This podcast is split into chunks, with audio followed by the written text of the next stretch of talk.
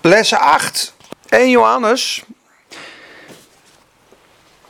Dichter bij God, dichter bij de liefde van God. Nou, ik, eh, mijn computer is kapot gevallen. Het hele scherm is kapot. Ik heb geen aantekeningen meer. Ja, je mag het wel even zien. Hier ook ik. Mijn zoontje die eh, dacht, we gaan een tuinstoel in elkaar zetten. Ik trek even de tuinstoel en de dalsvast uit de schuur. Heel eh, enthousiast, zes jaar. Dus stok mijn taas op en mijn laptop. Klats. Maar hij doet het nog wel op dat scherm. Dus ik kan voor de zekerheid eventjes wat erop gooien. Daar hebben wij hier deze. Kijk, ik heb die erop gezet. Eh, de Grace Conferentie hebben we gedeeld. Lieve kinderen, 1 Johannes 2. What manner of love, daar beginnen we. We gaan naar 1 Johannes 2, vers 28. En dan gaan we ook nog even in gebed. Vragen altijd de zegen. Want zonder de zegen van de Heer lukt het geen één keer. En zo is het. Vader, we danken u voor deze tijd samen. We zijn eh, met een kleine club, maar we bidden, Heer, dat u genade rijkelijk uitstort over ons. Het is uw vaders welbehagen om u het koninkrijk te geven. Gij klein kuddeke, zegt u. Nou, Heer, we zijn hier. En we komen met een open hart vol verwachting. En we bidden, Heer, dat wij uw liefde mogen kennen.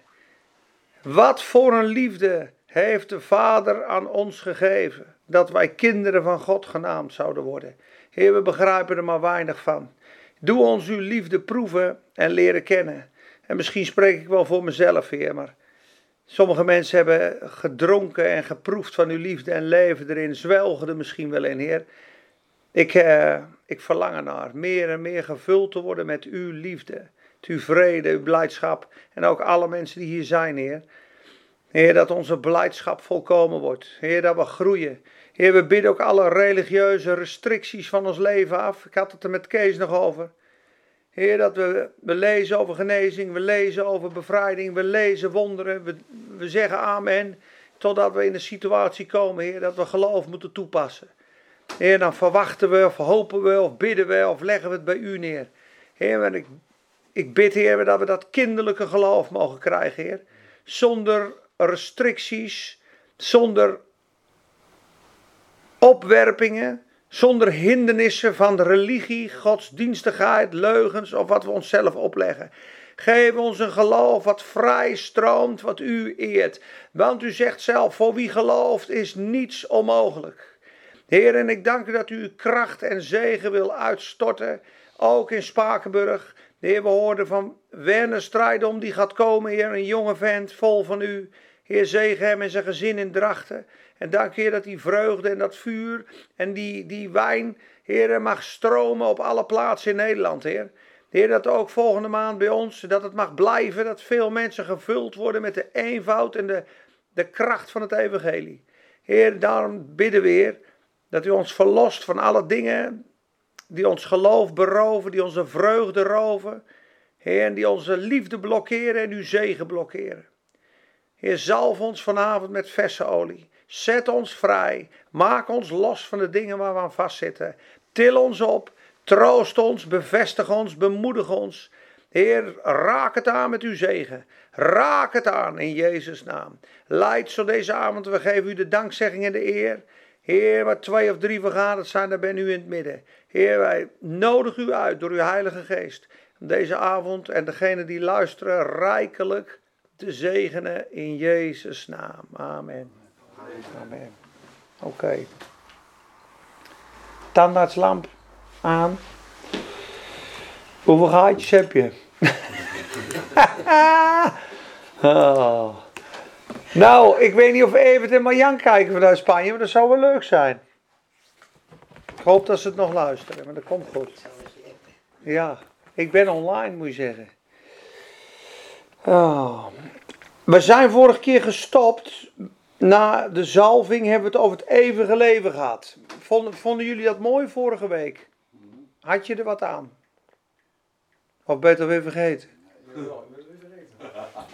Ik zal even je, je geheugen opfrissen. Nee. En wij hebben gezien en getuigen en verkondigen u het eeuwige leven wat onder ons was. Jezus het eeuwige leven. En dit is de belofte die hij ons gegeven heeft, het eeuwige leven, vers 25 in hoofdstuk 2. En dan ging hij naar hoofdstuk 5, vers 11. God heeft ons eeuwig leven gegeven. Dit leven is in zijn zoon. Deze dingen heb ik u geschreven omdat u weet dat u het eeuwige leven hebt. Jezus is het eeuwige leven. Daar hebben we het gisteren over gehad. Daar gaat die brief ook over. Wandelen in het eeuwige leven. En uh, daarna, daarvoor hebben we het over de zalving gehad. En nu begin ik in het einde van hoofdstuk 2, twee versjes. En dan zien we waar het heen gaat. hey, Porku! Oh nee, dat is een andere. ik dacht dat Porku online was. Dat is een haar. Sorry. Uh, kinderen van God. 1 Johannes 2 vers 28. Dan beginnen we en dan gaan we kijken hoe ver we komen. Want ik wil eigenlijk hoofdstuk 3 behandelen. Maar dit vers wil ik niet overslaan. Want vorige keer zijn we gestopt, de ene laatste les. Wat u betreft, de zalving die u van hem ontvangen hebt, blijft in u. En u hebt niet nodig dat iemand u leert, dat is vers 27, maar zoals zijn zalving u over alles leert en waar is en is geen leugen. En zoals zij u geleerd heeft, blijft in hem. Dan gaan we nu verder naar het volgende vers, vers 28. En nu, kinderen, blijf in hem opdat wij, als hij geopenbaard wordt, vrijmoedigheid mogen hebben en niet beschaamd worden gemaakt bij zijn komst. Wordt niet gepreekt. Ik heb nog nooit een preek gehoord over dat vers. Als u weet dat hij rechtvaardig is, erkent dan dat ieder die de gerechtigheid doet, uit God geboren is. Ieder die de gerechtigheid doet, is uit God geboren. En nu begint hoofdstuk 3, maar ik wou dat vers toch even aanstippen. 1 Johannes 2, vers 28. En nu, kinderen, blijft in hem. Opdat wij, als hij geopenbaard wordt, vrijmoedigheid hebben en niet beschaamd worden voor hem bij zijn komst. Wist je niet, hè? Nee. Nee. Dus hij leert ze om in het licht te leven, in de liefde te leven, in de broederliefde te leven, in het leven van Christus te zijn, zuiver. En dan zegt die kindertjes, ik heb u geschreven dat u niet zondigt, ik heb u geschreven dat uw blijdschap volkomen wordt. Ik heb u geschreven dat u de zalving hebt. Je weet alle dingen tegen de misleiding. Je wil ze beschermen. En hij zegt ook: blijf nu in Christus. Blijf in Christus. We hebben de tweede les volgens mij behandeld. In Christus blijven is in het woord blijven. Of in het licht blijven. Of in de waarheid blijven. Het is allemaal hetzelfde. Blijf in het licht, blijf in de liefde, blijf in de waarheid. Als je je broeder haat, ben je in duister. Als je zegt dat je gemeenschap met God hebt, maar in Duitsland ben je aan het liegen. Blijf in het woord. Dan blijft u ook in hem. En als je in hem bent, zondig je niet, draag je veel vrucht. Nou, in hem blijven is gewoon op Jezus blijven vertrouwen. Dus hij zegt tegen die kleine kinderen: Jullie hebben nou geleerd om bij eh, wat ik je verteld heb, blijf bij Jezus. Blijf in hem. Dat als hij straks komt, dat je niet tot schaamte gesteld wordt. Met andere woorden, je hebt ruzie met iemand. Je neemt het niet zo nauw met de Heer. Je bent druk met je zaken. En je bent eigenlijk, de Heer Jezus is een beetje op, op een zijspoor gekomen. En je kan zomaar overweldigd worden door die wereld. Die wereld die je trekt aan je. Dus als hij straks komt, dat we vrijmoedigheid bij zijn komst mogen hebben. Heer, ik sta klaar. Ik heb mijn lamp vol. Ik heb verlang naar u. Ik heb, uh, ja, ik heb gearbeid in de tuin. Wees dan als mensen die op hun heren wachten met uw lamp vol. Olie van de Heilige Geest en je lenden om God. Klaar om te staan. Ik ben klaar om te gaan. Ik heb geen ruzie. Ik heb geen achterdeurtjes. Ik, ik leef in de liefde en ik, heb, ik, heb, ik zorg dat mijn kleren wit zijn. De Bijbel zegt in Prediker 9, vers 8: Zorg dat uw kleren altijd wit zijn. We hebben hier een bruid. Zie je die bruid? Hartstikke wit, hè? Zie je dat uw kleren altijd wit zijn en uw hoofd geen olie ontbreekt, zegt Prediker 9, vers 8. Dat betekent, zorg dat je wandel schoon is. Niet achterdeurtjes, niet smerigheid, niet compromisjes, niet leugentjes, niet dingen, want dat bevlekt jou. En dat doet gewoon de zalfolie stinken. En dat is dan net de duivel, uh, geef geen plaats aan de boze. Ik bedoel, ga maar ruzie maken, ga maar iemand niet vergeven, ga maar roddelen. Ga maar boos worden. Dat weet je zelf wel hoe dat gaat. Dat gaat van kwaad tot erger. Dus je kleren wit houden is je wandel zuiver houden. Je hoofd geen olie doen ontbreken is zorg dat je de zalving, verse zalving van God elke dag op je hoofdje hebt. Heer, hier ben ik. Verse olie, goedemorgen. Heer, was mij. Ze hebben hun lange kleren gewassen in het bloed van het lam. Weet je nog, die voor de troon stonden? Dit zijn zij die uit de grote verdrukking kwamen. Ze hebben hun kleren gewassen met het bloed van het lam. Dus als je ervaart dat er iets in je leven niet lekker loopt, zeg je: Heer, vergeef me, was me met uw bloed. Dank u wel, ik ben schoon als sneeuw. Uw bloed was maar reiner dan sneeuw. sneeuw. En Heer, ik dank u voor uw olie op mijn hoofd. Halleluja. Ik, ik herinner de priester, Heer. De priester had bloed op zijn duim, bloed op zijn teen, bloed op zijn oorlel. Dat is de verlossing voor mijn handel, voor mijn wandel, voor mijn luisteren. Een beetje olie op zijn teen, olie op zijn duim, olie op zijn oorlel. Top gewassen in het bloed, dik in de olie. Als je zo leeft, gaat het gewoon perfect. Is er geen duivel die in de buurt kan komen. Je rent weg voor het bloed en krijst hij als een, als, als een chihuahua die een shup krijgt met, van, van Evert met een klomp aan. Tauw, zegt hij dan. En de zalving is zo sterk en vol van parfum, hebben we gelezen vorige keer. Er zitten opstandingskracht van Christus in. Er zit het kruisiging van Christus in. Er zit het wonder van Jezus in. Er zit de adem en de parfum van Jezus in. Dan gingen die vliegen van op, op de vlucht bij die uh, schapenogen, weet je nog, die olie. Dan gaan de duivels blijven op afstand als je dik in de olie zit. De duivel heeft geen enkel iets in de melk te brokkelen onder het bloed van het lam. Ze hebben de boze overwonnen door het bloed van het lam. Het woord van hun getuigenis. Ze hadden hun leven niet lief tot in de dood. Een overgegeven leven. Heer, hier ben ik. Klaas zegt het altijd mooi. Hineni. In het Hebreeuws is dat Hineni. Zie, Heer, hier ben ik. Dat zegt Abraham. Of dat zegt Samuel. Spreek, Heer, uw knecht hoort. Hineni. Hier ben ik, Heer, met alles wat ik ben, met, met mijn tekortkomingen, met wie ik ben. ik ben. Ik ben oprecht, Heer. Als er iets is wat niet goed is, zeg het me maar, maar ik wilde zijn voor u. Hier ben ik, Heer, om uw wil te doen. Hineni, lekker in de olie, lekker in het bloed van het lam. Is het gewoon glorie en zegen. Door het geloof. Want dat, dat, dat brengt je gewoon in de tegenwoordigheid en de vrede van God. Zelfs als je voor je kinderen die nachtmerries hebben, of als je gezinnen hebt waar veel ellende is, proclameer het bloed van Jezus maar over die mensen in die gezinnen. Hoor je drie huizen verderop, stoelen gooien door het huis heen en ruzies. Vader, we proclameren het bloed van de Heer Jezus Christus op dat huis. En op die kinderen, en op die reis, en op die situatie. Heer, dank u wel. Dat is krachtig. Dat zegt ook bijvoorbeeld hoef je niet mee te lezen, Petrus. In besprenging van het bloed van Jezus Christus, zegt hij op een gegeven moment. Uitverkoren naar de voorkennis van God de Vader door heiliging van de Geest tot gehoorzaamheid en besprenkeling met het bloed van Jezus Christus. Zo wordt de genade en de vrede u vermenigvuldigd. Dat is lekker. Ik ben uitgekozen door God. Door de voorkennis van God de Vader. En de geest heiligt mij tot gehoorzaamheid. En als je nog niet volmaakt bent, bedoel, we schieten tekort. Er is de besprenkeling van het bloed van Jezus Christus. Ik ben zo rein en zo schoon als me kan. Overal is het zo, zelfs, hè, we hebben gelezen in vers 1, vers, hoofdstuk 1, vers 7, het bloed reinigt u voortdurend van alle zonden. Het bloed reinigt, maar je kunt ook jezelf bedekken onder het bloed. Echt waar. Toen de, de ark bij Obed-Edom stond, in zijn huis, zegende God het huis van Obed-Edom. En alles wat hij had, drie maanden lang. Toen stond de ark bij Obed-Edom. Waarom stond hij bij Obed-Edom? Uh, David, die had gezegd, gooi die ark, de tegenwoordigheid van God, maar op een kar met een paar ossen ervoor. En toen gingen die ossen in een kuil en toen viel de tegenwoordigheid van God, de ark viel eraf.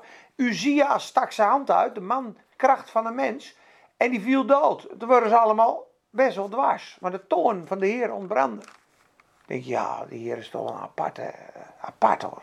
Kunnen die mensen er niks aan doen? Nee, nee, nee. De voorschriften waren, die ark mag alleen gedragen worden door de levieten. Die speciaal gezalfd waren. Met gouden stokken door die. En wat deed hij daarna? Liet hij die ark dragen. Elke meter of twee meter liet hij bloed van stieren en bokken slachten, David. Het, bloed en de tegenwoordigheid. En de bloed en de zal. En dan was hij, en was zo blij dat hij aan het dansen was in zijn ondergoed. Voor de ark uit.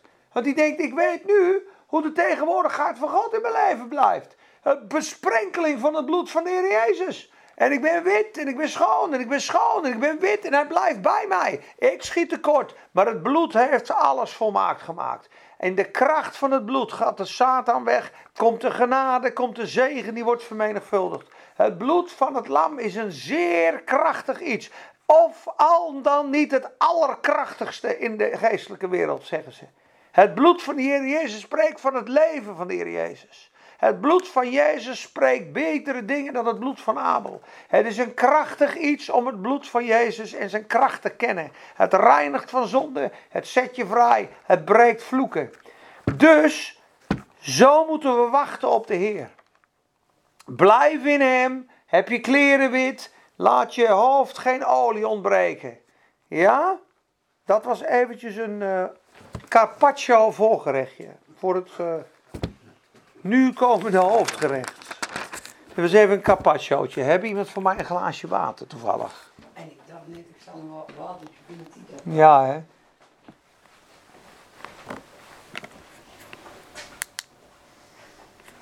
Ja, wel. Het is een beetje geel dit. Hmm, dat is ook wel mooi. Oké.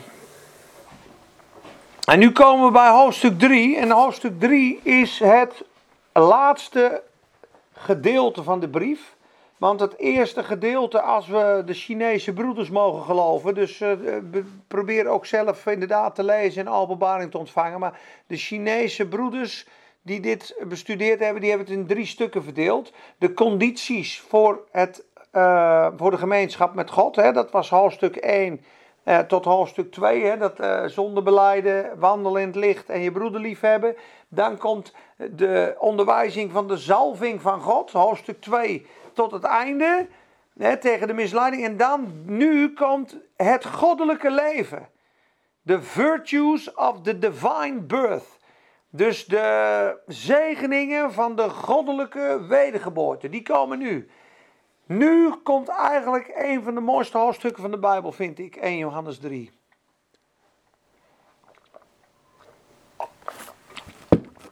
En ik hoop dat we mogen zien wat God bedoelt hier.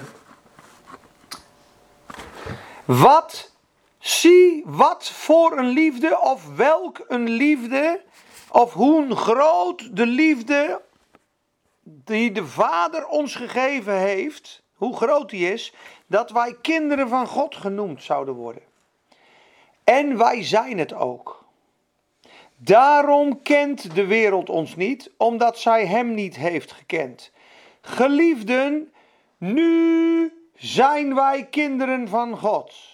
En het is nog niet geopenbaard wat wij zullen zijn.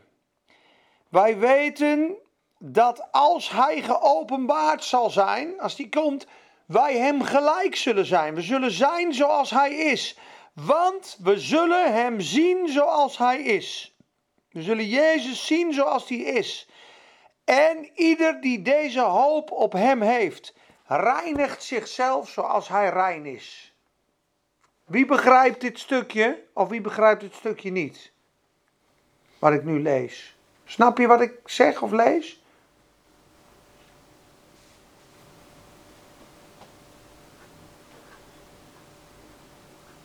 Ja?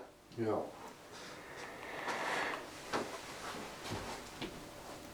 Wat voor een liefde heeft de Vader ons gegeven? What manner of love staat er in het Engels dat wij kinderen van God genaamd zouden worden. Waarom is het zo bijzonder dat wij kinderen van God genoemd zouden worden? Wat is daar voor een grote liefde voor nodig? Want Johannes die zegt: Kijk dan eens. Wat voor een soort liefde de Vader ons gegeven heeft. Dat we kinderen van God genaamd zouden worden. In die geest zegt hij het. Zie dan eens. Wat voor liefde heeft God ons gegeven dat we kinderen van God genaamd zouden worden. En we zijn het ook. Agape. Dus Ja, maar ik zat er vanmiddag over te denken. Ik denk, ja, maar dit, soms klinkt het allemaal zo vanzelfsprekend. Ja, je hebt je schapen, je houdt van je, je maakt ze je kind. Ja, natuurlijk. Maar je moet goed nagaan. Wij waren totaal vijanden van God. Totaal verdorven vijanden. Dood in de zonde. Vol van vijandschap. Vol van de Satan. We werden kinderen van de toorn, kinderen van de Satan. Vijanden van God, zegt Romeinen 5. En het heeft het bloed van Jezus en het offer van Jezus gekost om ons überhaupt van vijand tot kind te maken. Dus hij zegt, jongens, wees, snappen jullie wel hoe groot die liefde van God is? Dat je als vijand, dat hij nu zo'n erfgenaam maakt. Ik zag vanmiddag te denken, heb je wel eens iemand erfgenamen maakt? Zou je iemand adopteren? Jij bent nu mijn kind, mijn erfgenaam. Alles wat ik heb is ook van jou. En dat is ook nog eens iemand die je jarenlang bedonderd heeft. En in elk achtergangetje zei, ja, die heb ik eigenlijk niet nodig. Want wij duwen God weg hè, in die duisternis. Daar hoeft hij niet bij. Dat hou ik lekker voor mezelf. Jezus, ga jij maar even aan de kant. Want eh, dit gedeelte, dat... Zo leven we. Uiteindelijk zeggen ze wel eens, ja, we hebben hem allemaal gekruisigd. Dan denk ik, ja, ik, ik heb het er niet bij staan. Ik heb hem toch niet gekruisigd daar, hoor. Dat bedoel, dat snap je. Maar ik zat vanmiddag te denken, elke keer als wij tegen God nee zeggen en iets anders belangrijk vinden, dan kruisig je bij, bij wijze van spreken de Heer. Nou, daar hoef je niet bij te komen. Nee hoor, dan blokkeer je God. Maar hij heeft voor ons gekozen. Dus ik had er ook bij gezet, heb jij wel eens iemand die jou talloze keren bedroog en afwees, erfgenaam gemaakt. Je vijand lief gaat. Maar ik wil dus een basis leggen. We gaan hem iets kleiner zetten, dan hebben we alles in beeld. Zie dat? Laten we dit lekker staan. Ik wil dus ja, een basis leggen over die liefde van God. Moet die groter? Ja, doe maar uiteindelijk. Ik zie niks. Oh, die moet ook naar uh, Hans aan, dus Ja, die, moet, eh, die zoeken nog kaart. ja. Nee, maar Dat zit, dat, zit al tien jaar. We zijn kinderen van God. Het is bijzonder dat hij voor ons stierf. Ik hoop dat vandaag te proberen eh, uit eh, te duiden. Want ik vond het wel mooi in 1 Johannes 3, vers 16. Hè, je kent Johannes 3, vers 16. Als de lief heeft God de wereld gaat. Maar 1 Johannes 3, vers 16 zegt dit. En hieraan hebben wij de liefde gekend. Hoe kennen we die liefde? Hoe kun je die liefde gaan kennen? Omdat hij zijn leven voor ons heeft afgelegd. Dat zegt Billy Graham ook, hè? Toen Jezus aan het kruis hing, bloedend, was het eigenlijk God die tegen de wereld zei: Ik, heb, ik hou van jullie. Gods liefde is openbaar geworden in de kruisdood van zijn zoon. En ik hoop echt dat we dat vanavond mogen proeven en zien. Dat is mijn verlangen en mijn gebed voor vanavond. Hieraan hebben wij de liefde van God gekend. In het Engels staat: Hereby perceive we the love of God. Hierdoor doorzien wij de liefde van God. Dat Hij zijn leven voor ons heeft afgelegd. En ook wij behoren het leven voor elkaar af te leggen. Broederliefde. Maar kijk maar eens naar de liefde van God in Romeinen 5. Dat kennen jullie wel zeker, die tekst. Maar we gaan dat lekker herhalen, want je kan het wel 85 keer lezen. En elke keer gaat het dieper. En we hebben dat nodig om te horen. En ik zal hoofdstuk 5, vers 7 begin ik. Altijd een vers even tevoren om het goed te snappen. Romeinen 5, vers 7.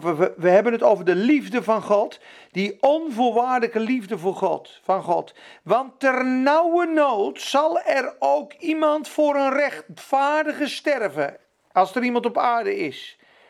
Misschien heeft een goed iemand het nog wel eens over of de moed om te sterven voor een goed iemand in het leger. Weet je wel, mijn beste maatje, ik vang een kogel voor hem op. Maar Gods liefde is totaal anders, zegt hij. Want God bevestigt zijn liefde of demonstreert zijn liefde tot ons hierin dat Christus voor ons gestorven is toen wij nog zondaars waren. Toen we dus vol in de zonde leefden en de natuur van Satan hadden. Veel meer dan zullen wij, nu wij gerechtvaardigd zijn door zijn bloed, door hem behouden worden van de toorn. Want toen wij vijanden waren, zijn wij met God verzoend door de dood van zijn zoon. Veel meer zullen wij, nu wij verzoend zijn, behouden worden door zijn leven. Dus hier zie je, wij waren zondaren, toen stierf hij voor ons. En wij waren vijanden. Dus Kees en ik en iedereen die hier zit, wij kunnen nog wel eens denken, ik ben, dat, dat, ik hoop niet dat we denken, maar dat denken we wel eens, ik ben een aardig goed mens, of ik schiet tekort, of ik moet iets nog doen. Maar uiteindelijk heeft God voor ons gekozen op het diepst van onze zonde. Hij rechtvaardigt de goddeloze. Toen jij totaal van God los was, dood in zonde en overtredingen, Gods wetbrekende, levende in haat, in roddel, in oordeel, in losbandigheid, in allerlei zaken waarvan Gods toorn geopenbaard wordt. De Bijbel zegt dat. Gods toorn komt over de kinderen van de ongehoorzaamheid. Vroeger leefde je daar ook heen. Heeft hij dwars tegen alles in gezegd: Het is rechtvaardig als ik die vijand en die zondaar en die overtreder straf. Maar ik ga voor ze aan het kruis. Ik ga voor die vijand gaat ik aan het kruis.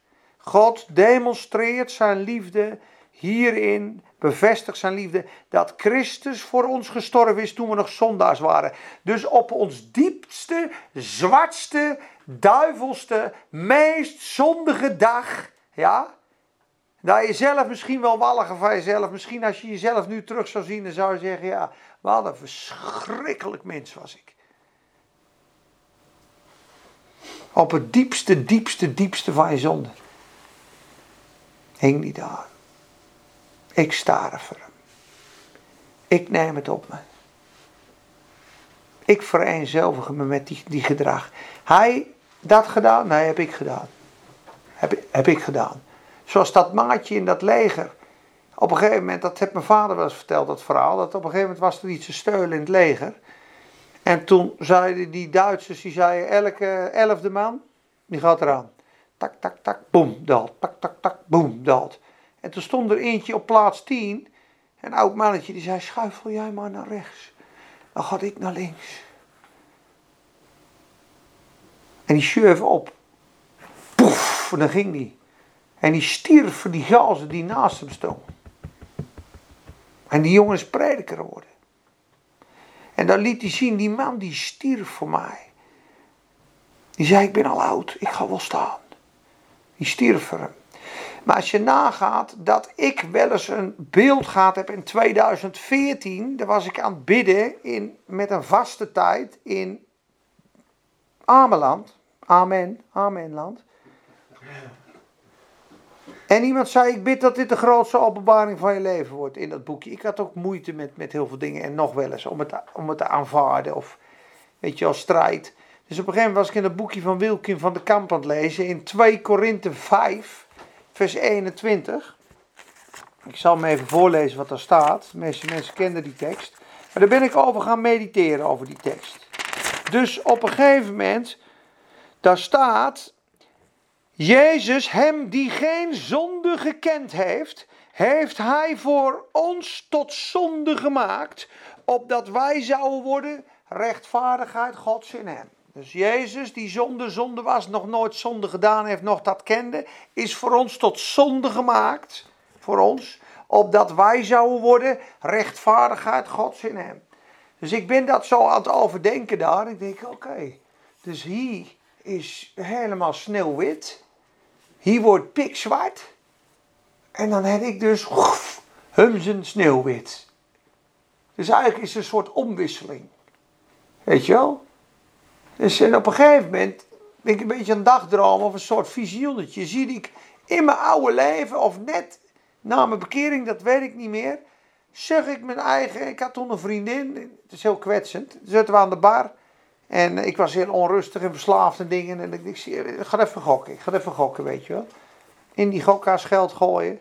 Dan zat ze daar natuurlijk een kwartier wachten, een half uur wachten en drie kwartier wachten. Ja, op een gegeven moment was het natuurlijk zat. En ik zeg, nou ja, ik moet even doorgaan, even doorgaan.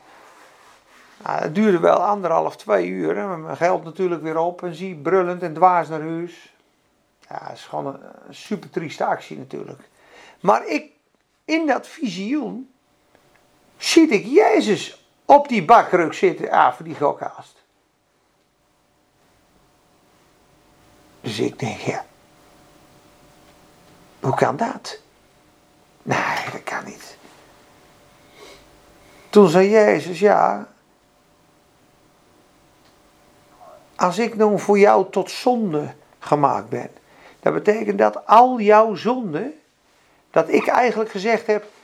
Dat heb ik gedaan. Dus overal waar jij gezondigd hebt, mag je mij invullen. Is ja, maar dat is toch bizar?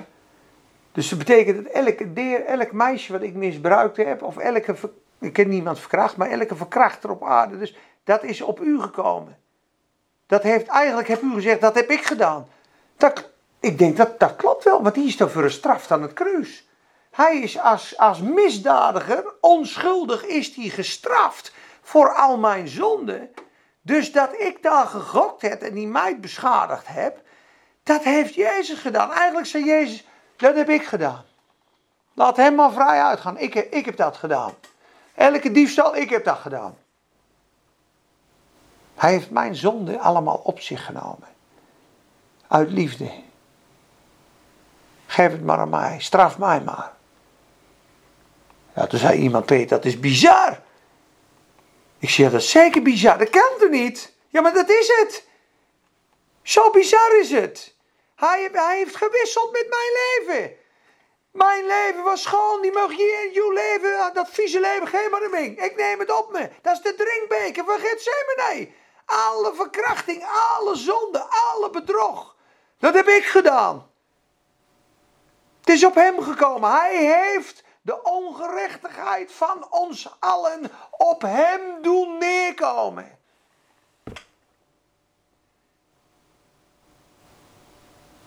En toen zei Arie erover, en dat allemaal omdat hij jou lief had. Want soms dan, dan, dan, dan benader je het zo advocaat technisch. Dat zegt Andrew Murray ook. Een advocaat kan je ook vrijpleiten. Die betaal je gewoon. Dat is je vriend niet. Die houdt niet van je. Die doet gewoon die straf. Hier, hoppa, ga maar. Hè? Mooi hè, geen gevangenisstraf. Nee, nee, nee. Dat is heel legaal benaderd. Jezus deed dat omdat hij je door en door en door lief had. En om bij jou te komen, moest hij al die rotzooi dragen. Toen wij nog vieze, smerige, bedriegende, overtredende, hatende zondaren waren. Vijanden van God. Toen is Christus voor ons gestorven in onze plaats, als ons. Dat gaat heel diep en dat wil ik eigenlijk meer en meer in mijn leven doen kennen. Want op het moment dat je dat gaat beseffen, dan hoef je ook niks meer te bewijzen en te proberen. Want dan kun je eigenlijk concluderen, joh, ik was pik en pik en pik en pik en pik zwart. Toen stierf hij al voor me. Nu ben ik zijn kind geworden.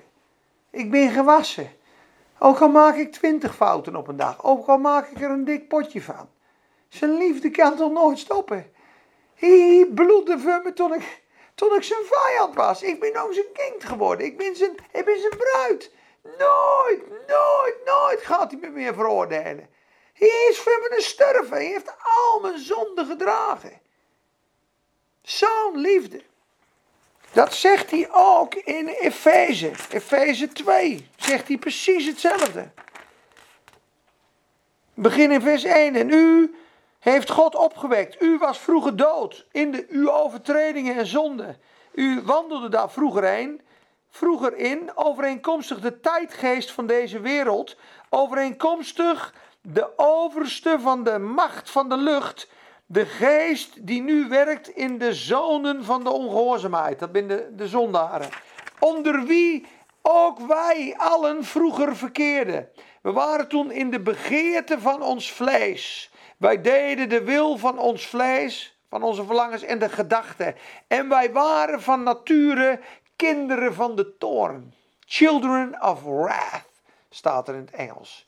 Onder Gods wraak en onder Gods toorn. Als God rechtvaardig met ons geoordeeld had, had zijn hele wezen ons verbrijzeld met rechtvaardige toorn en wraak.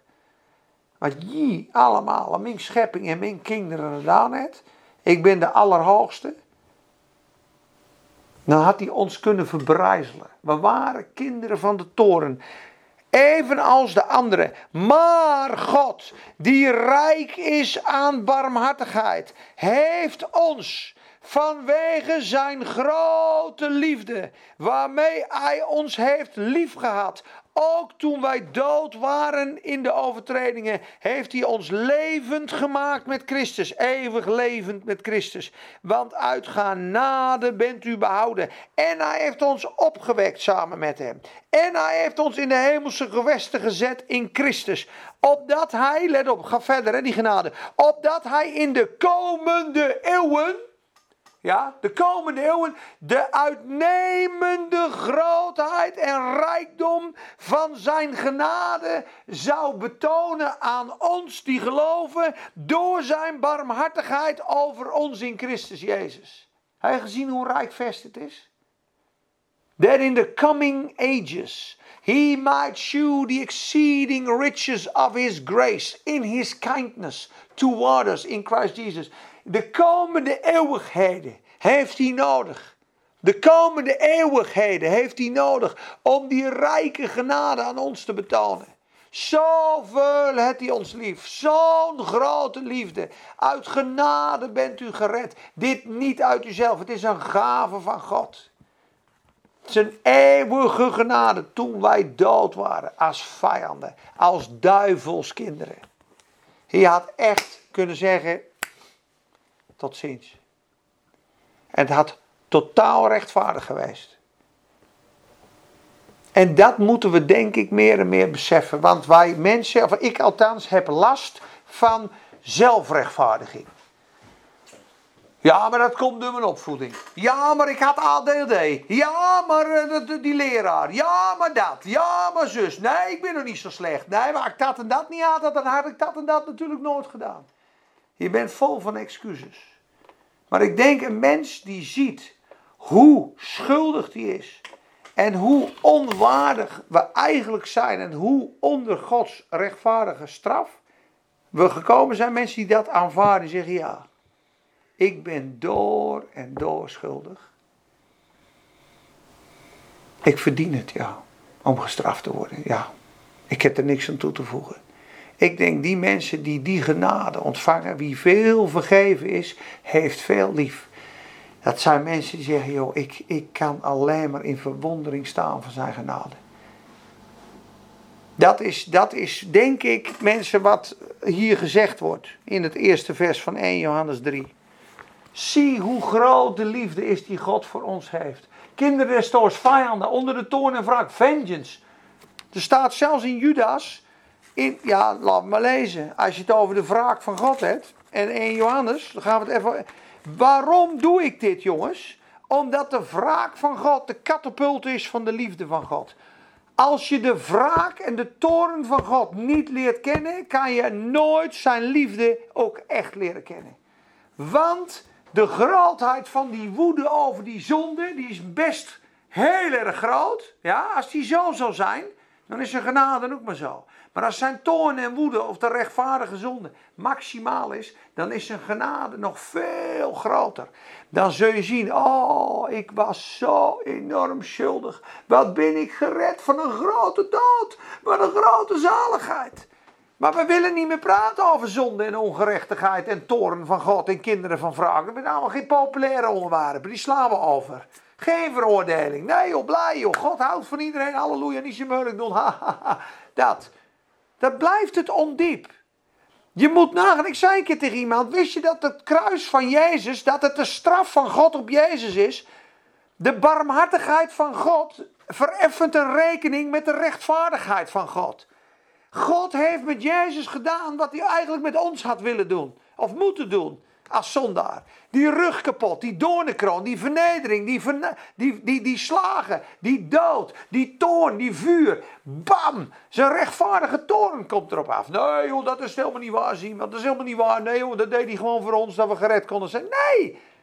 Gods toorn op de zonde is op Christus gekomen. Die woede van God is op zijn zoon gekomen. Het oordeel is op de herder gekomen. Ik zal de herder slaan. Dat de schapen vrij uitgaan. Dat, die toorn, die woede van God, die moeten we niet onderschatten. En die moet je ook niet voorbij gaan. Als je dat doet, zul je altijd lichtzinnig over zonde denken. En ook lichtzinnig over het kruis. En over de grootheid van zijn genade. Kijk maar eens in Judas. En straks zullen we misschien in Romeinen 9 wat lezen. God is niet verplicht om de mensen te redden, staat er in, in, Johan, in Romeinen 9. Hij kiest voor wie die barmhartig is. En je doet pas barmhartig over iemand als die een vijand is voor je. Moet je kijken wat er in Judas staat. Over de tijd met Sodom en Gomorra. Het is ook wel toepasselijk over deze tijd, want als je het hebt over L, T, B, H, Q, U, eh, S, Z, X, wat er allemaal langs komt. Plus, plus twee. Onthoud het niet. Ik Ik wil zeg 72 soorten en zo.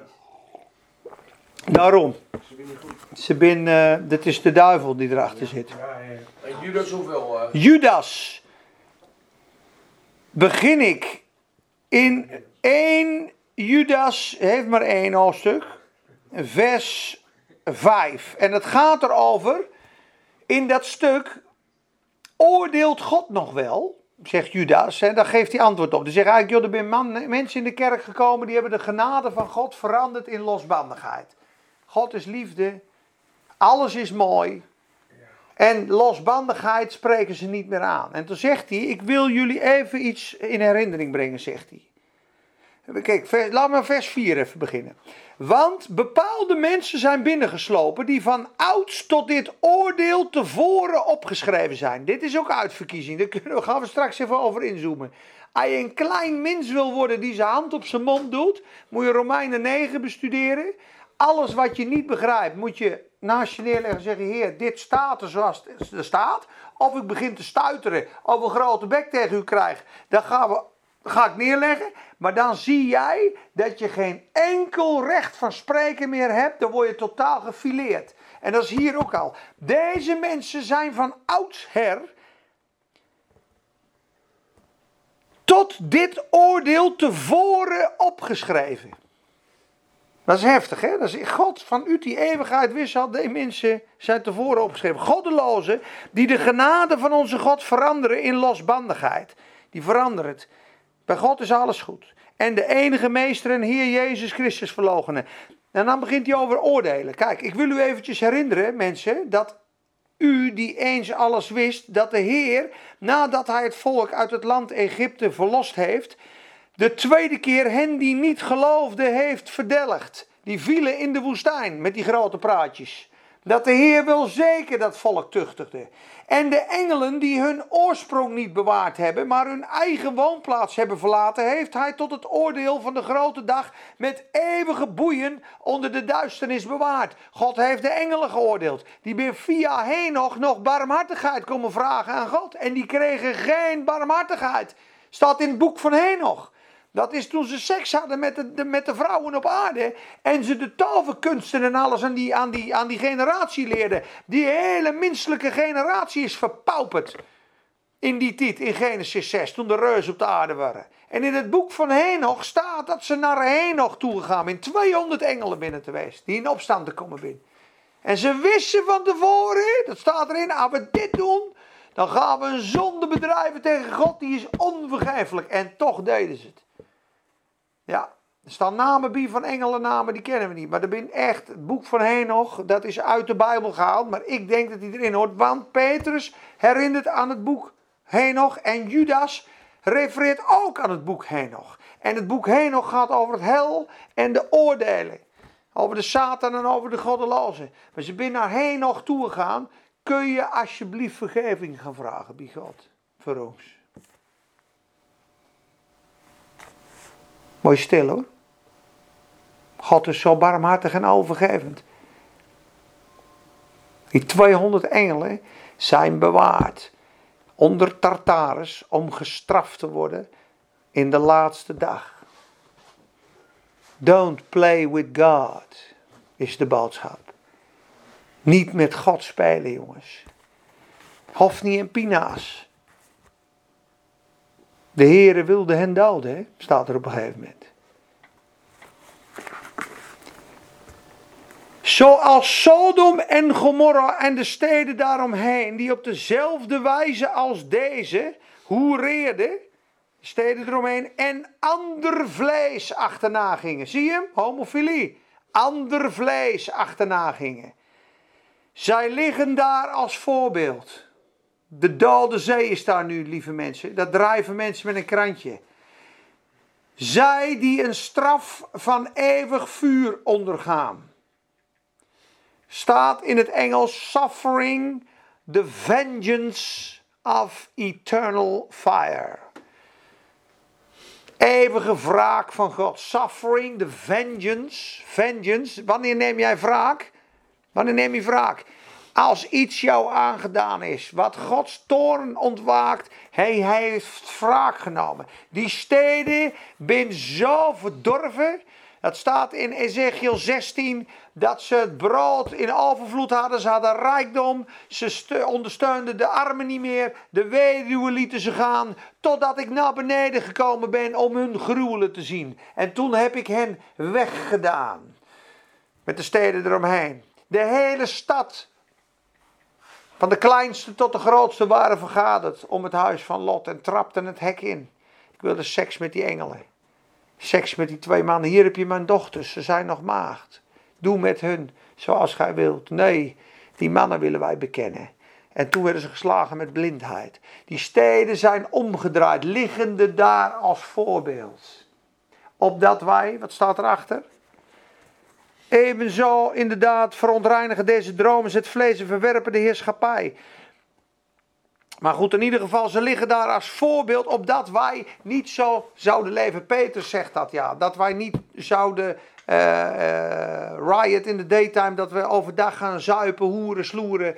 En God weet de rechtvaardige te verlossen, zegt hij, maar de goddeloze te bewaren tot de dag van het oordeel. Als zij die plezier hebben in het dagelijkse uh, rommel en zondigen, en ze houden niet op van zondigen, er, maar allermeest diegenen die in onreinheid en vleeselijke lusten, dus uitspattingen van hoererijen op klaarlichte dag die worden bewaard tot het oordeel. Het was één grote seksbende geworden. Is het nog uit? Het wordt nog veel erger, Kees. Want je moet nagaan, de hele stad Amsterdam is nog niet gay. Nee, dat. Nee, maar dat was toen de hele stad was gay. Dus geen seks met vrouwen meer willen. Een deur bij jou intrappen om jou en je zoons te verkrachten. Moet je nagaan. Dat, dat de drag queens op, op tv, dat het allemaal normaal is. Dat is allemaal normaal, joh. Mannen als vrouwen kleden. En mannen, ik ben een vrouw, ik ben een man, ik bepaal zelf wat ik ben. En wie is God? Wordt het steeds groter hoor. Het zal zijn als in de dagen van Lot. In de laatste der dagen. En de dagen van Lot stonden ze dus om je huis heen, om je huis in te trappen. Moet je nagaan dat hij in Spanje woont. Dat er gewoon 500 homoseksuele mannen aan zijn deur staan. En zeggen we willen hem bekennen. Dan strappen we het hek door midden. Zo was het in de dagen van Lot. Hoe ziek we het hebben. Hoe militante geest. En dat verklaart gelijk de leugen die weg is. Het is een geaardheid. Het is net alsof je links bent. Het is net alsof je groene ogen hebt. De hele stad was het. Amsterdam. Van de kleinste tot de grootste waren vergaderd om dat huis van Lot heen. De hele stad.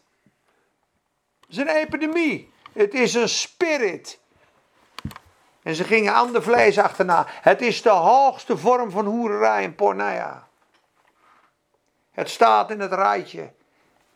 Seks met dieren, seks met je eigen kinderen, seks met mannen.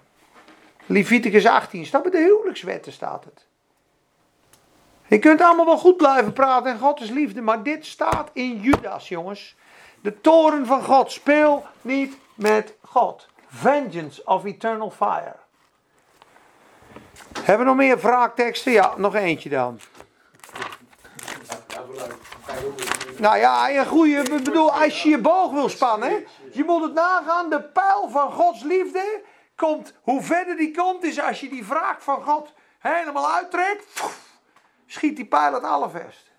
Je dit doen zal, poeh, komt die 5 meter ver. Dan schiet je geen, da- schiet je geen eh, koe mee dood hoor. Dan heb je geen vreten. Sorry, dan heb je geen eten. Nee, je soja bar. Eetregels. Oh ja. En het is beangstigend om de toorn en de wraak van God te omarmen en onder ogen te zien. Want het geeft heel veel angst en stress. Maar als je daar doorheen komt, zul je zien dat het oordeelzetel van God is de barmhartigheidsstroom. Dat heeft Rick Joyner ook meegemaakt. Die zag in de geest ook een deur, jongen, donderslagen, duister en angstig, jongen, dat hij was. De oordeelzetel van God. En op een gegeven moment voelde hij dat Jezus hem droeg naar die plek, zo vol barmhartigheid. En zo bang voor het oordeel. Want die zei, ik voelde me zonde. Zelfs in die geest. Ik, ik kon wel wegvallen in de diepste, diepste. De lust die je hebt naar vrouwen en dingen. In die geest was hij. In die hemel is het zo heilig, zo vol liefde. Dan is een leugentje van een kind. Dat is 10.000 keer groter, zegt hij. Het is niet normaal wat zonde in Gods aanwezigheid betekent. Dat kunnen wij niet voorstellen. Kunnen we niet voorstellen. God is zo heilig en wij zijn door die Satan verdorven met zijn natuur. Daarom is die kloof was alleen maar te overbruggen door Gods liefde. Maar daarom klopt de islam ook niet. Vijf keer bidden en je best doen, even een paar regels volgen en dan kun je weer terugkomen. Het slaat ook nergens op. En ik zei, dan had de Heer Jezus ook nooit uit het paradijs hoeven te trappen. Want je had ze gewoon in de tuin kunnen laten lopen. Doe even vijf keer bidden elke dag, even een paar regeltjes en dan hebben we weer vrede. Maar ze zijn gestorven, we zijn geestelijk gestorven. Jezus moest opnieuw leven en sterven om ons terug te brengen. Dus de kloof is zo groot, het was Jezus bloed is daarvoor nodig geweest. Dus die zonde is maximaal groot. Kijk eens naar de overtreding van Adam. Wat doet hij? Schiet hij iemand dood? Nee. Verkracht hij een vrouw? Nee. Wat doet hij? Bodrug. Hij luistert naar zijn vrouw hoger dan God. Zijn vrouw heeft die vrucht genomen. De vrouw is verleid geworden, zegt de Bijbel. Toen komt ze met die vruchten bij hem. Het enige wat Adam had moeten zeggen is: Domme Eva. Wat hij gedaan. En die had terug moeten gaan naar God. En hij at ook. Die overtreding. Denk je, ja, kun je daar nog zo moeilijk over doen? Maakte alle mensen zondaren. Een heel ras. Volledig verpauperd. Dat is de kracht van zonde, hè? Daarom zegt de Romeinen 5 zo mooi als door de overtreding van één alle mensen zondaren geworden zijn en de dood over alle mensen is gekomen. Door één overtreding denk je, door wat een impact heeft die zonde joh. Maar er staat er daarna, maar de genadegave van God is niet door één overtreding, maar alle overtredingen van alle mensen bij elkaar. En God heeft je niet gestraft, maar gerechtvaardigd. Met andere woorden, de gave, de genade is niet eens te vergelijken met de kracht van de zonde. Gods genade is zo oneindig veel groter. Dat hij alle zonden van alle tijden, van alle mensen op zich genomen heeft. En dat hij niet tot schuld de mensen gebracht heeft, maar tot rechtvaardiging. Dus Gods genade is oneindig groot. Maar je moet dus ook inzien wat de impact van zonde is. Want dat staat in Romeinen 1. Romeinen 1. En dan gaan we weer een stukje lezen over seksualiteit tussen tweezelfde geslachten. En laten we dat stukje maar even lezen. De schuld van de mens. En dan lees ik helemaal tot aan het einde. Waarom weet ik niet, maar dat doen we gewoon. Romeinen 1, 55 minuten al. Zie mensen allemaal met zweet en hangdoeken hier online. Ah, nee. De schuld van de mens. Want toren van God wordt van de hemel geopenbaard. Over alle goddeloosheid en ongerechtigheid van mensen. Let op. Die de waarheid onderhouden. in ongerechtigheid. Hier komt de toren van God vrij. Dus dat ze goddeloos en onrechtvaardig binnen is één, maar dat ze de waarheid van God onderhouden in ongerechtigheid. Dat is iemand die stond bij een loket en die zag hier een pasje liggen van goedkeuring van binnenkomst in het land. Dus die zag zijn naam er al op staan en ik denk nou, alles is goed. En die vrouw liet hem wachten bij het loket. En toen zei ze, we hebben geen pasje. Nou, toen zei hij, toen weer ik innerlijk vertoornd. Want zij weet dat dat pasje er lag. En mijn naam stond erop. Ze weet het. Dit is corruptie. Dit is, ze weet het gewoon. Dit is willens en wetens. Dus is die een uur of zo blijven staan. In die rij. Totdat ik hem heb. Hm. En toen gaf ze hem. Ik weet niet wat voor situatie het was. Maar dat is exact wat mensen vandaag doen. Ze weten, want het staat er namelijk achter. Kijk maar eens. Omdat wat van God gekend kan worden, die waarheid, onder hen openbaar is. Want God heeft het hun laten zien. Want van de schepping van de wereld af worden wat van hem niet gezien kan worden, namelijk zijn eeuwige kracht en goddelijkheid, uit zijn werken, schepping, de schepping met inzicht doorzien door alle mensen, zodat zij niet te verontschuldigen zijn. Omdat, hoewel zij God kennen, zij hem niet als God verheerlijkt of gedankt hebben, maar hen in hun overleggingen zijn zij tot dwaasheid vervallen en hun onverstandig hart is duister geworden. Dus ze kenden God. Ze hebben God niet die plaats gegeven, niet erkend, niet gedankt en hun duister hart is onverstandig geworden. En de waarheid van God, iemand die zegt ik geloof niet God, die bestaat niet, die ken niet. God heeft het me laten zien. Daarom zijn ze zonder excuus. Ze houden de waarheid onder in ongerechtigheid. Bewe bewerend dat ze wijs zouden zijn, zijn zij dwaas geworden. Ze hebben de heerlijkheid van de onvergankelijke God door iets dat lijkt op het beeld van een vergankelijk mens. Ze hebben het schepsel geëerd boven de schepper. Gebeurt nu ook. De mens wordt boven God gezegd. En wat, en wat staat er dan? Daarom heeft God hen overgegeven. Aan onreinheid in de begeerte van hun hart. Om hun lichamen onder elkaar te onteren. Dus wie, God laat je op een gegeven moment gewoon los. God heeft ze overgegeven. Zo heftig hè, wat er staat. Zij die de waarheid van God vervangen door de leugen. Willen ze wetens en het schepsel geëerd en gediend hebben boven de schepper, die gezegend is tot in eeuwigheid. Amen. Daarom heeft God hen overgegeven aan onterende hartstochten, want ook hun vrouwen hebben de natuurlijke omgang vervangen door de tegennatuurlijke. Het is tegennatuurlijk, vrouwen met vrouwen. Evenzo hebben ook de mannen de natuurlijke omgang met de vrouw opgegeven en zijn tegen in hun lust tegen elkaar ontbrand, zodat mannen met mannen schandelijkheid bedrijven en het verdiende loon voor hun afdwaling in zichzelf ontvangen. Hier kun je niet omheen hoor, Romeinen 1. Echt niet. En wat is de grondslag ervan? De waarheid van God veranderen in een leugen. Rationeel denken komt binnen. Satan komt binnen. Duister komt binnen.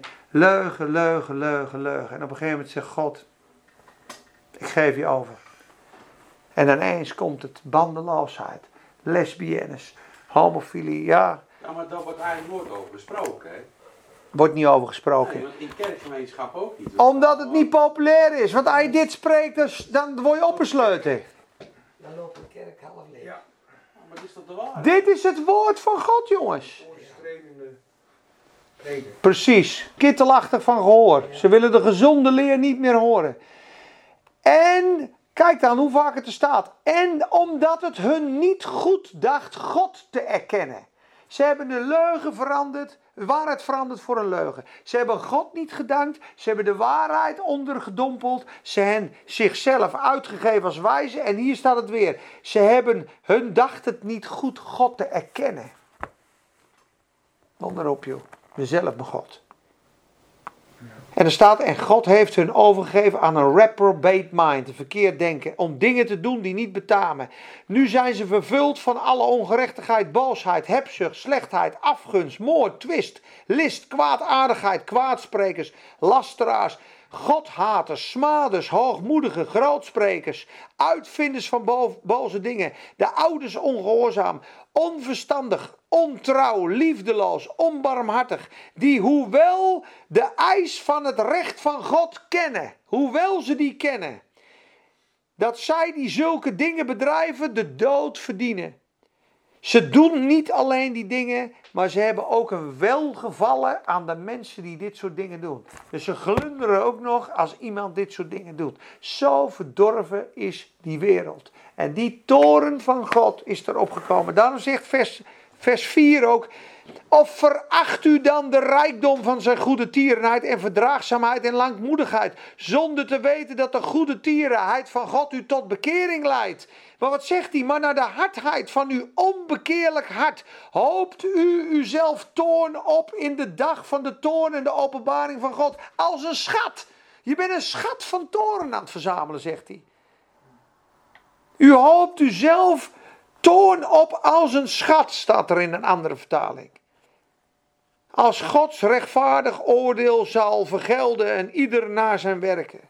Hun die met volharding in goed werk, heerlijkheid, eer en onvergankelijkheid zoeken, zullen het eeuwige leven ontvangen. Maar hun die ziek zijn en ongehoorzaam aan de waarheid, maar gehoorzaam aan de ongerechtigheid, zal toorn, gramschap, verdrukking en benauwdheid zal zijn over elke ziel van elk mens wat het kwaad werkt.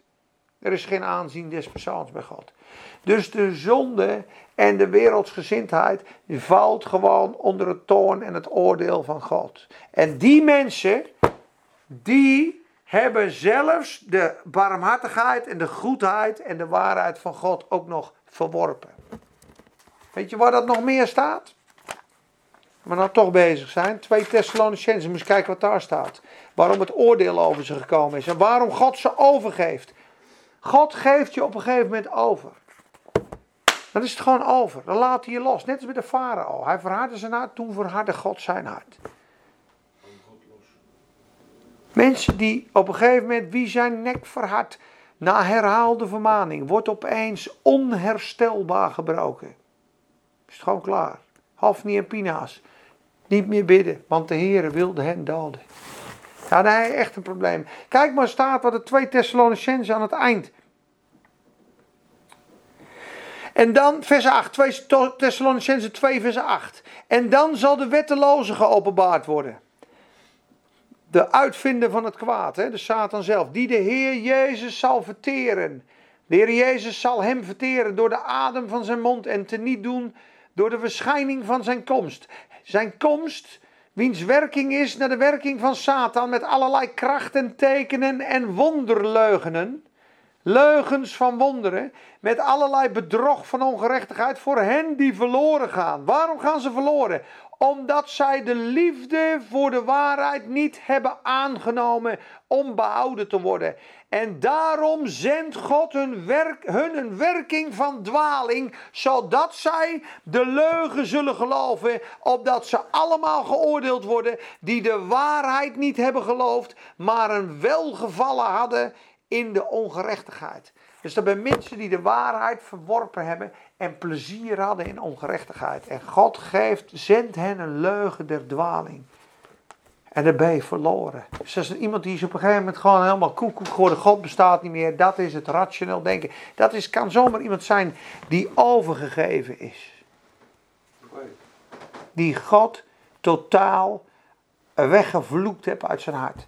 Niet erkend, niet gedankt, de zonde vastgehouden. En op een gegeven moment gaat het verder en verder en verder en verder. Tot de point of no return. Net als die engelen in Judas. Point of no return. Net als de steden van Sodom en Gomorra. Heftig, hè? Ja, dat vind ik wel heftig. Ja. Dat is ook God. Was het er ook niet zo dat uh, toen Jezus stierf, toen die graven opgingen, weet je, de vorige keer verteld, dat alleen de allerheiligen, die stonden op. Dus gewoon, die stonden op, dus de rest aan niet meer. Nee, maar die zullen straks in die, die, die zielen die ongehoorzaam waren in de tijd van Noach, staat in Petrus. Dat, dat zit ik van ik heb te lezen, dus ik heb over een denken. Ja. Alleen de alle heiligen, Ja, die Ja. Jezus, waar, waar je kind van bent, die stonden op. ja, Degene, die, de rest dan niet meer. ja. Dus dat Klopt. eigenlijk. Hij moest zijn leven geven, anders waren we voor eeuwig verdoemd. Kostbare genade, niet zomaar even een schone lei. We waren kinderen van de duivel, duivelskinderen. Dat hebben we niet echt doorzien. Gevallen natuur. Romeinen 9. Kun je nog twee versen aan of wil je stoppen? Ja? Doorgaan of stoppen? Zeg, dit is net, eh, nee, dit is net als eh, een miljoenenjacht. We doen het eh, deal or no deal. Je kunt nog één keer spelen. No deal, dan één keer door. No deal. Pff, we doen hem dicht. Hoppa. We staan op 480.000 euro. Gaat over Zo, de 104, 180.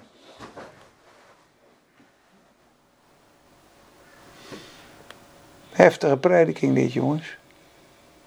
Echt. Maar ik vind, het is heftig, maar ik vind het ook wel een keer duidelijk. Luister, het rechtvaardig oordeel van God, als je dat overslaat, dan mis je de kracht van de genade en de liefde van God. Want Romeinen 1 begint namelijk met het oordeel. Dan Romeinen 2 het oordeel over de Joden. Dan Romeinen 3 dat er niemand rechtvaardig is. Het eerste sectie van de Romeinen is verdoemenis. Oordeel over de zonde, oordeel over de mensen, oordeel over de Joden. Niemand rechtvaardig, iedereen schuldig, punt. Hopeloze situatie. En dan pas in hoofdstuk 3 begint hij, maar nu is door de genade van God dit beschikbaar gekomen. Maar al die mensen zijn allemaal. Door de wet is de kennis der zonde, opdat de hele wereld verdoemelijk zou worden voor God. Opdat niemand maar geen greintje kan roemen in het is iets van mij geweest.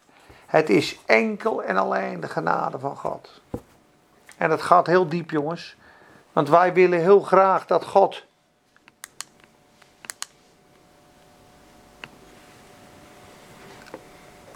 geen mensen in de hel toestaat.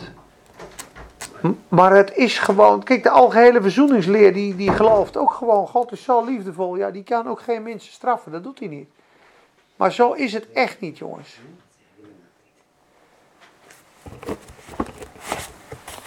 Ik ga het even terug naar 1 Johannes 3.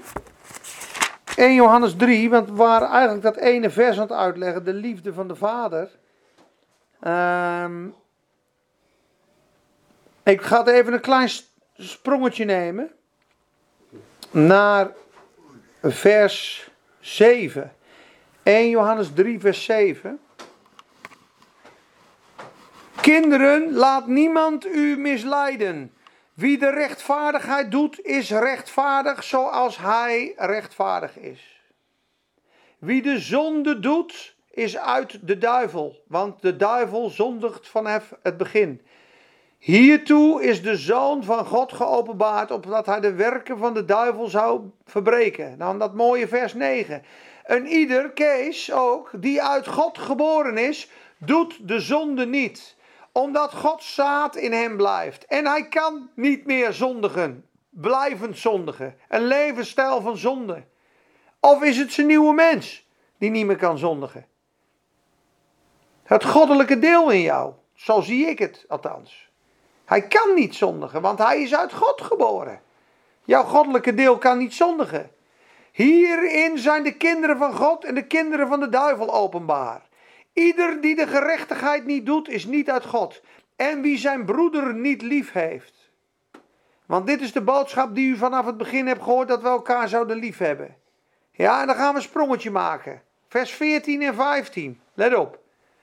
Wij weten dat wij uit de dood zijn overgegaan in het leven, omdat we de broeders lief hebben. Hou je van christenen? Hou je van kinderen van God? Tuurlijk. Zijn broers en zussen. Dan ben je overgegaan van de dood naar het leven. Heb je het eeuwige leven. Wie zijn broeder namelijk niet lief heeft, blijft in de dood. Ieder die zijn broeder haat, is een mensenmoordenaar. En u weet dat geen mensenmoordenaar eeuwig levend in zich heeft blijvend wonen. Zo staat het er eigenlijk. Dus iemand die van zijn broeder houdt, is uit God geboren, heeft het eeuwige leven in zich blijvende. Zijn zaad blijft in hem, vers 9. Gods zaad blijft in hem. De zalving die u van u hem ontvangen hebt, blijft in u. Het leven van God blijft in u. Dus dat is hoe het is. Maar hier staat heel duidelijk: je hebt kinderen van God en kinderen van de duivel. Dat zie je, die binder. Heel veel mensen verdraaien dit met de mirror translation. De mirror translation. Net allemaal draaien in dit stukje. Nee, maar er staat, er zijn mensen die zijn echt contrary. Want God heeft, weet je, ze zeggen, God heeft in Christus de wereld met zichzelf verzoend. Hij heeft de zonde niet toegerekend. Uiteindelijk komt iedereen er. Want God redt iedereen en heeft voor iedereen betaald. Want ja, dat, dat bedoel, dat is gewoon zijn natuur. Maar dat staat hier niet. Daarom zegt hij, laat niemand u misleiden. Wie de rechtvaardigheid doet, is rechtvaardig. Mensen die in de zonde leven, zijn uit de balzen. Want iemand die uit God geboren is, leeft niet in de zonde. Kan hij ook niet. Want Gods zaad blijft in hem. En dat wil hij ook niet. Dan voelt hij zich helemaal niet thuis. Jij voelt je niet thuis in leugen en ongerechtigheid en zonde en hoererij en bedrog. Dat kan niet. Dat is hetzelfde als je een kat in een, in, in een riool gooit. Die springt eruit. Maar een varken blijft zich omdraaien in de modder. Dat is 2 Petrus. Die vindt het prima in de poep in de stront. Onreine dieren. Een hond gaat terug naar zijn uitbraaksel. Die vreet zijn eigen kots weer op een hond. Dat is van een zondig iets iemand. Iemand die uit God geboren is, haat de zonde, wil niet zondigen. En daar zijn ze aan te herkennen. Amen. Nou, ik denk dat ik Romeinen 9 maar een andere keer doe, jongens. Want die is echt pittig hoor. Die is echt. We gaan volgende keer of een andere keer gaan we Romeinen 9. Maar Romeinen 9 is het een van de aller, allermoeilijkste hoofdstukken van de Bijbel. Als je dat thuis gaat lezen, denk je. Heel zwaar hoor. Daar komt ook de oud-gereformeerde uitverkiezingsleer en predestinatieleer vandaan. Daar komen al die zwarte pakken vandaan. Want die zeggen ja, het ligt allemaal bij God. Het, het staat daar. Het, het, ligt niet aan wie loopt. Het ligt niet aan die wil. Het ligt aan de uitverkiezing en de barmhartigheid van God. God bepaalt wie uiteindelijk gered wordt. Dat klopt ook nog. Alleen hij is barmhartig voor wie hij barmhartig wil zijn. Maar hij zegt bijvoorbeeld in Korinthe, Paulus blijf even hier, want in deze stad heb ik veel volk. In Efeze komt Paulus op een gegeven moment, gaat hij prediken en er staat er zoveel als opgetekend waren voor het eeuwige leven, zoveel geloofden. God weet uiteindelijk wie gered wordt, maar God heeft ook een soevereine wil. En dan staat er in Romeinen 9, zo verhardt hij dan wie hij wil en zo ontfermt hij zich over wie hij wil. En dan gaat Paulus dus antwoorden, maar ja, dan, dan zegt hij tegen die mensen, maar dan zullen jullie wel zeggen tegen God, wat zeurt hij dan nog? Want ja, als hij bepaalt wat er gebeurt, ja, wat maakt het dan nog uit wat we dan doen, weet je wel? Nou, dat hoofdstuk, dat is echt heel pittig als jij vragen gaat stellen aan God over hoe het nou zit. Maar het gaat er uiteindelijk om dat niks, maar dan ook niks van onze kant ervoor heeft gezorgd dat wij gered zijn. Het is allemaal zijn barmhartigheid. Maar dat hij veel meer mensen bereikt dan de oud-gereformeerde geloven, dat is duidelijk. Bij de oud-gereformeerden in Barneveld, van de 2500 gaan er twee aan het avondmaal. Maar die denken, ja, dat zijn dan toevallig misschien de enkeling die verlicht is, maar de rest, ja, dat, dat, je kan bijna niet tot Christus komen. Maar zo is het niet. Ik heb niet alle antwoorden, maar ik heb van de week Romeinen 9 bestudeerd. Ik vind dat nu te moeilijk en te pittig. Ik wil het misschien ooit een keer behandelen. Maar als je thuis wil lezen, het is een vervolg van Romeinen 8. En wat Paulus daaruit wil leggen is eigenlijk dat wat God begonnen is met een mens, dat hij dat altijd afmaakt. En dat zijn doel en plan en eeuwige voornemen vaststaat en dat er niets is wat daartussen kan komen en dat kan frustreren. Daarom zegt bijvoorbeeld Ouweneel heel mooi, Romeinen 9 is een zegen voor de christen.